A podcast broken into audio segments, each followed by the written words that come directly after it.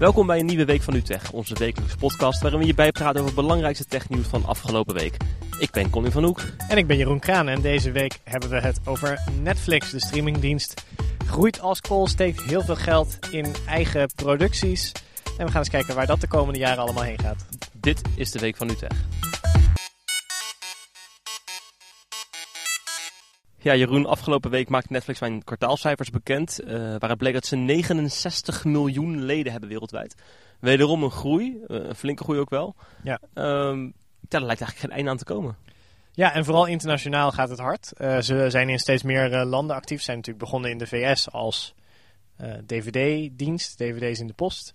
Dat was al best wel populair. En toen hebben ze die overstap naar streaming best wel nou, best wel heel erg succesvol gemaakt. En zijn ze internationaal gaan uitbreiden. Want eh, je kan natuurlijk streaming makkelijker internationaal doen dan uh, dvd'tjes uh, opsturen. Ja. Um, en ja, je ziet nu dat het meeste van de groei ook wel echt buiten de VS zit. In de VS viel het zelfs een beetje tegen. Was, ze hadden anderhalf miljoen of zo verwacht. En het was, ze hadden er minder dan een miljoen ja, nieuwe leden bij gekregen. Dat had dan weer ook, ze zeggen zelf dat het te maken had met een of ander nieuw creditcardsysteem. Waardoor heel veel betalingen niet doorkwamen. Nou ja. Wat daar precies van klopt, uh, weet ik niet. Maar in ieder geval internationaal gaat het, sowieso, uh, gaat het sowieso heel goed. En ook in Nederland zouden iets van een miljoen uh, ja, huishoudens of zo zouden Netflix hebben. Wat echt... En we zijn ze begonnen? Twee, jaar geleden. geleden. Ja, september 2013 was het. Ja, dus ehm, dat gaat lekker. En ze, ze maken natuurlijk superveel zelf. En ik heb het idee dat dat wel een beetje is waardoor dat dat wel een gouden zet is gemaakt geweest. Ja, want ik heb wel zeg maar de, uh, met alle respect, de leken, zeg maar, de van tech-leken, die hebben dan Netflix en die zeggen wel eens tegen mij: Ja, maar dan wil ik nieuwe films kijken en dan staat er helemaal niks op Netflix. Hoe, hoe. Maar het gaat natuurlijk steeds naar een model toe. Dat is ook zo. Toen je aan het begin Netflix gebruikte, um, was het wel zo dat je wat leuke uh, content had van Netflix zelf. En je had verder vooral gewoon een samenraapsel van soms best wel oude dingen. Ja. En obscure dingen soms ook nog wel. Maar nu is het zo dat er eigenlijk zoveel door Netflix zelf gemaakt wordt. Dat je eigenlijk soort de rest niet meer nodig hebt. Je neemt Netflix eigenlijk voor het aanbod dat zij hebben. Net zoals dat je een abonnement neemt op HBO of... Ja, ja ik merk ook van mezelf dat ik eigenlijk vooral hun eigen dingen kijk. En de, de rest, ja... Uh, er zitten wel eens wat andere films en series tussen die je dan denkt van oké, okay, die wil ik ja, ook wel zien. Maar het is ja. niet echt het, het voornaamste wat je er... Uh, wat je erop kijkt. En dat is inderdaad best wel een, nou, sowieso een verandering voor hun geweest natuurlijk. Zij zijn in de VS begonnen met gewoon, we gaan gewoon heel veel dingen inkopen en beschikbaar maken voor streaming. Het was in eerste instantie ook het idee dat je dan... Het was eigenlijk meer voor de mensen die al dvd's kregen. Zo van, nou, bij sommige dingen hoef je niet eens de dvd eh, te bestellen. Die kan je gewoon meteen kijken, zeg maar. Ja. En toen is het losgesplitst. Um, en inderdaad, toen het naar Nederland kwam, toen heb ik ook gesproken met allemaal mensen van, uh, van Netflix, onder meer Reed Hastings, de CEO. En ik zei toen ook van ja, al voordat ze er waren, hoorde ik allerlei klachten van de, jullie hebben niet alles. Uh, hè, en de mensen gaan het vergelijken met de Spotify voor films. En Spotify heeft natuurlijk wel min of meer alles van Ja. muziek. Het is gewoon een hele andere wereld. Um, en toen zei hij ook van ja, je moet ons meer zien als een kanaal, zoals HBO. En toen moet ik heel eerlijk zeggen dat ik het zelf ook nog niet helemaal begreep. Want toen hadden zij wel een paar eigen series. Echt, dus wel weinig. Maar inderdaad, het, uh, ik denk eigenlijk toen alleen House of Cards en Orange is the New Black. Ja. Um, allebei hele leuke series, maar uh, ja. Niet, zeg maar, daar koop je niet per se daar koop je niet, voor. daar ga je niet een heel abonnement voor nemen, inderdaad. Um, en ik, ik had toen zoiets van, nou oké, ik snap dat je het zo uitlegt. Uh, van we hebben niet alles, maar we zijn meer een subset. We zijn één kanaal. Maar nu wordt wel steeds meer duidelijk dat ze inderdaad ook echt in die productiekant Ja. staan als een, uh, als een kanaal. En er is ook een hele logische verklaring voor. Hè? Want het is gewoon eigenlijk op de video, DVD, film, seriemarkt niet te doen uh, om een Spotify voor uh, de films en series op te richten. Want rechten technisch gaat het zo moeilijk. Alle landen hebben weer aparte uh, rechten afgesproken voor films. Dan heb je de betaalzenders die nemen het af. Dan heb je nog hotels en vliegtuigen waar voor betaald wordt om die films daar eerder in te krijgen. Ja. Dan heb je nog de zenders RTL 4 en SBS die films inkopen. En er zit Netflix daar nog ergens tussen. Ja. En dat betekent dat je soms gewoon de rechten voor alle films van Universal of van Disney zijn gewoon voor vijf jaar vastgelegd. Ja. Die kan je gewoon niet krijgen. Dus het is eigenlijk niet te doen. Dus het is best ze- wel een slimme... Ze werken dus inderdaad, wat jij zegt, allemaal met van die windows. Dus inderdaad, de bioscoop is de eerste window. En dan Ja, volgen er nog allemaal wat dingen. En dan krijg- komt eigenlijk streaming meestal pas Ja. überhaupt in aanmerking. Dus dan kun je inderdaad beter, maar... eh, Je bent sowieso altijd maanden te laat. En, Ja. en je hebt nooit een compleet aanbod. Dat is gewoon niet te doen. Nee, dat is niet te doen. En uh, je ziet nu dat bijvoorbeeld ook op de, aan de filmkant Netflix zelf echt grote stappen maakt. Ze, uh, deze week uh, is hun eerste echte speelfilm uh, op Netflix geplaatst. Beast of No Nation is in sommige landen ook in de bios gekomen uh, vorige week al. Maar dus echt ja, pas heel kort nadat die in de bios te zien was, uh, is die uh, is die al op Netflix gezet. En hij, hij, ik heb hem nog niet gezien, maar hij schijnt een, een Oscar, mogelijke Oscar-kandidaat te zijn. En echt, een, echt mee te doen zeg maar, met de grote jongens wel. Dus het is nu niet meer alleen op het gebied van series dat ze ambities hebben, maar ook echt wel op het gebied van film. En ik, ik heb hier voor me eh, hun soort van kalender van alle originele series die zij uh, uitbrengen. die kan je op hun site zien. En dat is een angstaanjagend overzicht, vind ik altijd. Echt, als je ziet hoeveel geld zij er tegenaan gooien nu om dingen te maken. Ik bedoel, alleen al voor het vierde kwartaal van 2015 zie ik hier een soort van 15 titels staan, geloof ik ongeveer. Onder meer een kerstspecial met Bill Murray, Ridiculous Six. nog een film volgens mij die zij maken heel veel kinderseries. Ja, en dan voor de komende twee jaar staan er nog, denk ik, zo'n 50 titels al. En dan ja, hebben we het alleen nog maar over de dingen die nu al zijn aangekondigd. Met, met Orange is the New Black en House of Cards richt zich natuurlijk op een soort van high-end series. Uh, maar het aanbod is nu ook veel breder geworden. Ze maken zo kinderdingen, ze maken films, ze maken documentaires. Ze doen echt dingen die voor een, een, soort van heel verschillende doelgroepen interessant zijn. Ja. En ze pompen dus wel echt ook superveel van hun uh, geld dat binnenkomt weer in het bedrijf zelf. Er wordt heel veel in geïnvesteerd. Ja. Ze houden niet per se, ze houden natuurlijk wel winst nee, de winst is niet, uh, ze maken wel winst. Dat is op zich, het is niet zoals sommige eh, Silicon Valley bedrijven dat ze gewoon heel dik verlies nemen om maar te groeien, zeg maar. Ze maken wel winst, maar het is, het is niet echt heel veel. Nee, afgelopen kwartaal was het 1,7 miljard dollar aan omzet en daar maar 30 miljoen winst van. Dus dat is echt... Ja, dat is niet heel veel. Dat was ook wel minder dan verwacht, maar oké, nou ja, het, uh, het is inderdaad is inderdaad niet heel veel. En wat je net zegt, ze, ze, ze doen heel veel verschillende dingen. Ze hebben nu bij de kwartaalcijfers ook gezegd van ja, misschien dat we over twee jaar wel concurreren met Vice bijvoorbeeld qua nieuwsreportages. Ja. Dat is blijkbaar iets waar ze naar kijken. Ze maken best wel, of ze kopen slash maken best wel veel uh, documentaires. Uh, Stand-up comedy doen ze steeds meer in. Chelsea Handler gaat een eigen soort van talkshow maken voor Netflix. Nou, heel veel verschillende dingen. Het enige waarvan ze echt steeds zeggen van dat gaan we echt niet doen is sport. Ja. Want dat ja, dat kost, ze zeggen zelfs ook dat dat kost zoveel geld om die rechten in te kopen. En zeker voor al die verschillende landen, dat alleen dat al zeg maar zou echt miljarden gaan kosten. Nee, alle sportrechten worden natuurlijk per land verkocht. In Nederland heeft iemand de Champions League voor heel veel geld. Ja. SBS trouwens. Uh, en uh, in Engeland heeft iemand anders Champions League voor heel veel geld. En dat ze Netflix dan wereldwijd moeten gaan doen. Ja, dat, dat kan natuurlijk niet. Nee, dat is, dat is waarschijnlijk niet te doen. En zij, uh, volgend jaar hebben ze gezegd, gaan ze 6 miljard dollar uitgeven aan het kopen of produceren van van content. Ze hebben niet gezegd eh, welk deel in eigen producties gaat zitten en welk deel in het aankopen van dingen. Maar goed, dat, is dus een enorm bedrag. Maar met sport ben je er snel doorheen waarschijnlijk. Ja, ik denk het ook. Het is inderdaad heel veel. En naast die 6 miljard aan content gaan ze nog 1 miljard aan marketing uitgeven. Dus sowieso al 7 miljard gegarandeerde uitgaven in 2016. Ja. Terwijl ze dit jaar waarschijnlijk zo'n 6 tot 7 miljard uh, dollar aan omzet draaien. Zal volgend jaar wel wat hoger liggen. Maar dat betekent dat ze dus een enorm percentage daarvan weer uitgeven aan, uh, aan films en series. Ja. En dat heeft nog wel gevolgen ook. Ja, want Netflix zegt ook, ze willen volgend jaar, uh, of eind volgend jaar echt wereldwijd beschikbaar zijn.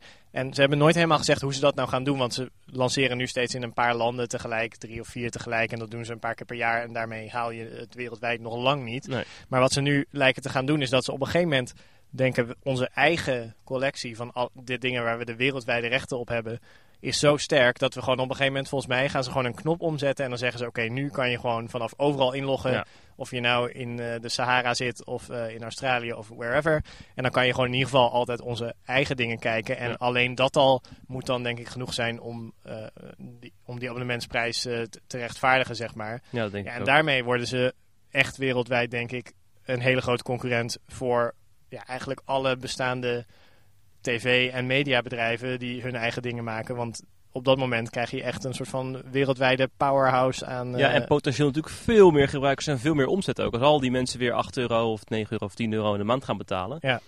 Uh, en dat, dat gebruiksaantal gaat enorm groeien. Dan heb je dus ook weer meer geld om uit te geven aan, uh, aan content. En, Ja, en je ziet ook dat ze, wat, wat ik vind dat ze heel slim doen, en wat eigenlijk niemand anders doet, er zijn natuurlijk wel wat andere HBO's bijvoorbeeld ook wel in heel veel landen beschikbaar. Maar het is echt een Amerikaanse zender en je mag hier zeg maar meekijken.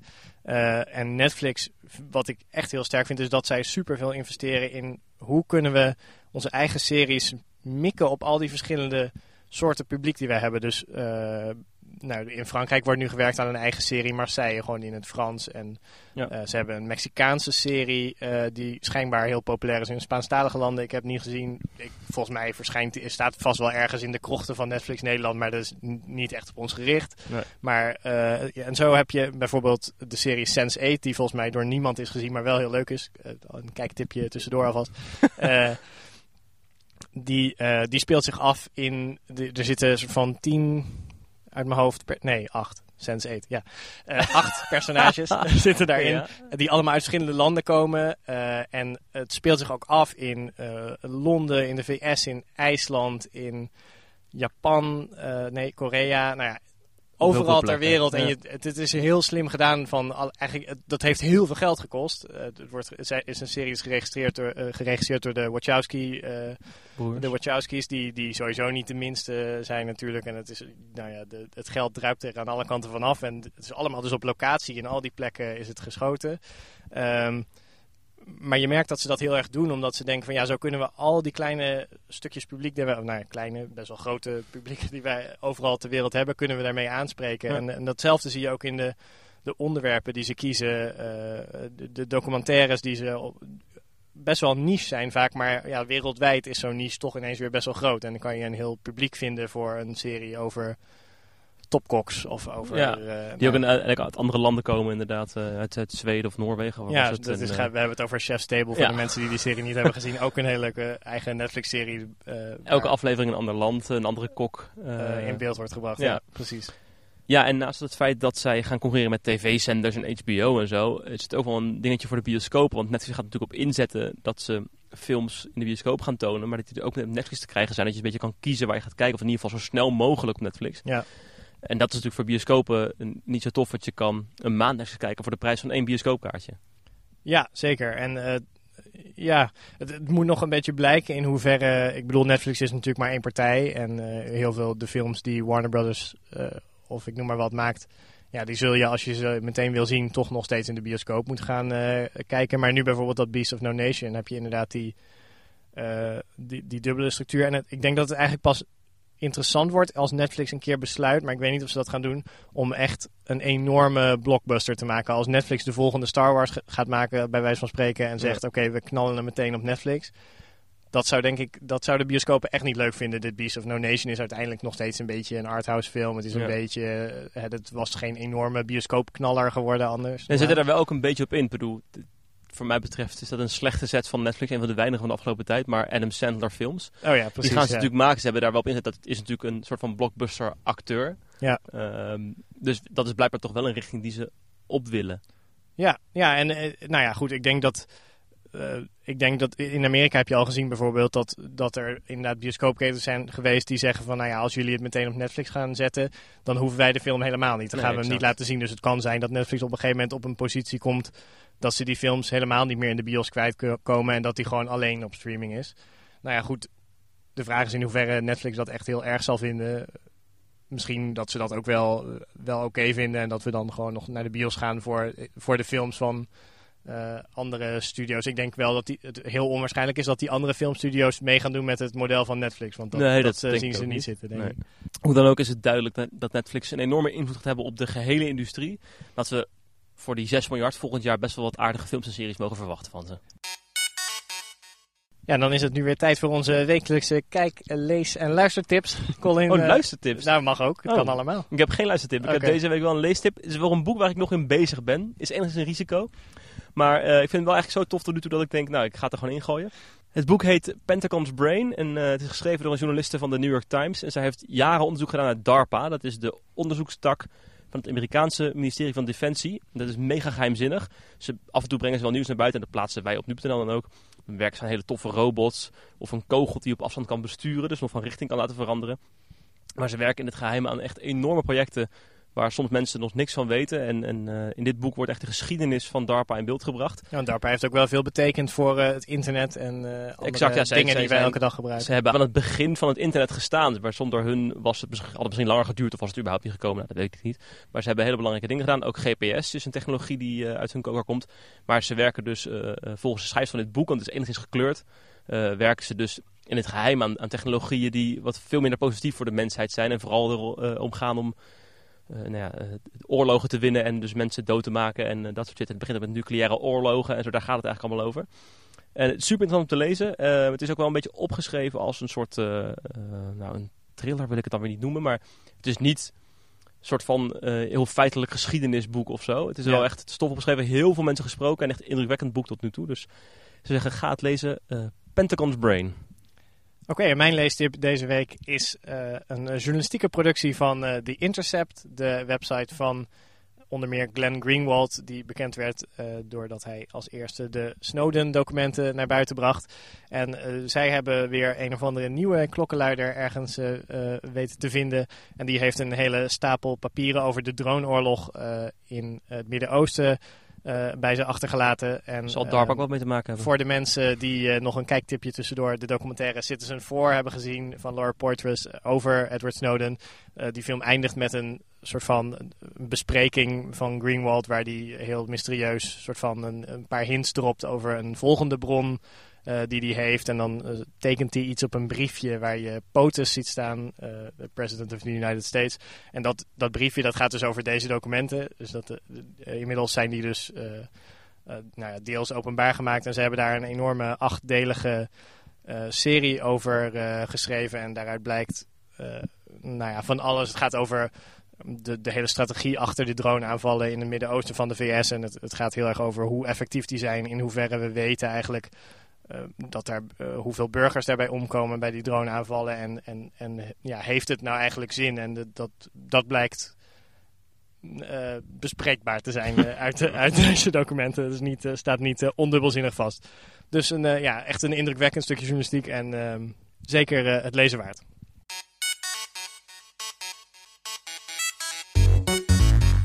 Dat was het dan alweer voor deze week van UTech. Volgende week zijn we natuurlijk terug. En tussentijd kan je ons volgen op eh, Instagram, Twitter, Facebook en natuurlijk nu.nl. Laat ons via tech.nu.nl weten wat je ervan vindt. Uh, of ook als je eigen tips hebt voor uh, leuke boeken of films of series. En als je onze tips hebt gekeken of gelezen en je vindt er iets van, stuur naar tech.nu.nl. Zoals gezegd, volgende week weer een aflevering. En dat is dan ons eenjarig jubileum. Tot dan. Dat wordt leuk. Tot dan.